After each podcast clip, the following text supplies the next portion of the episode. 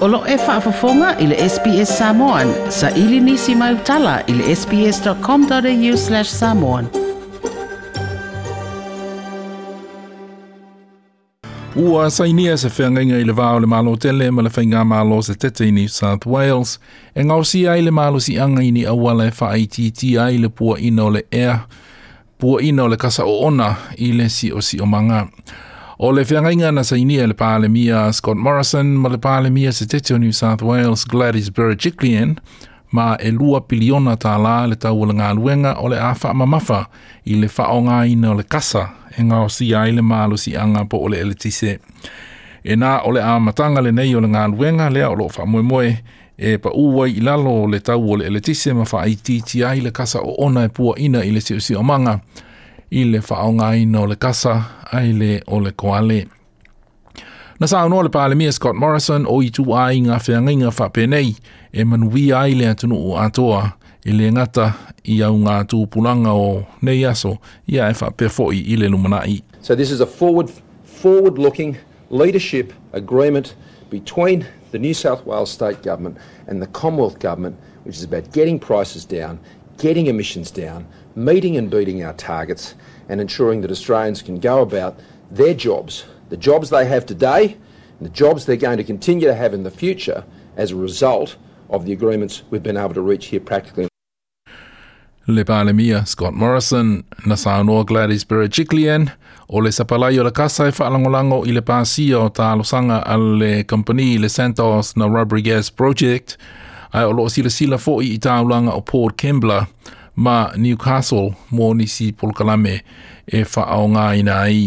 E le itali mai Gladys Berejiklian i le tūlanga o le mālo se tete i New South Wales pe whaawo pea o na whaao ngā ina le nōfuanga i Mount Piper Power Station lea o loo whaao ngā ina ai le koale ma o loo tau i le lua fe fase fulma le lua le tausanga lua fe fase fulma le lua le ao ngā o na laisene o loo iei nei.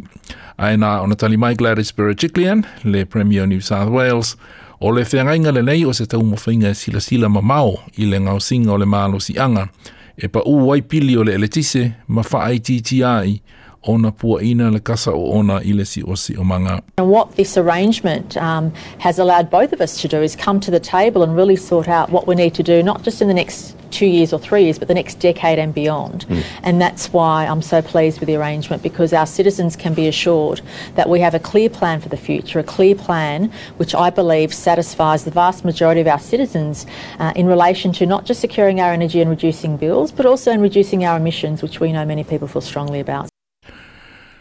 Nā te ena le te itai o le Labour ma le tua Anthony Albanese le whaingainga a le mālo tele ma le mālo se te New South Wales.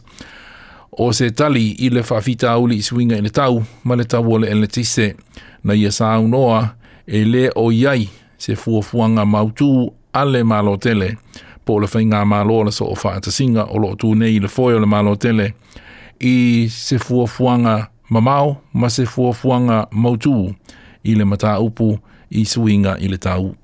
Today's announcement by the Commonwealth on energy is no substitute for a national climate policy or a national energy policy. This government has neither. They have no plan to actually deal with driving down our emissions. They have no plan to deal with driving down energy prices. The fact is, that there is another report today that has confirmed that renewable energy investment has fallen by half under this government. Le te ita e le leiba ma le tuangai i le pālemene Anthony Albanese. O le ripoti na sahaunia ma wha e Peggy Giacomelos mō le SBS News.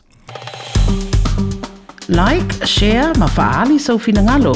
Muli muli ile SBS Samoan ile Facebook.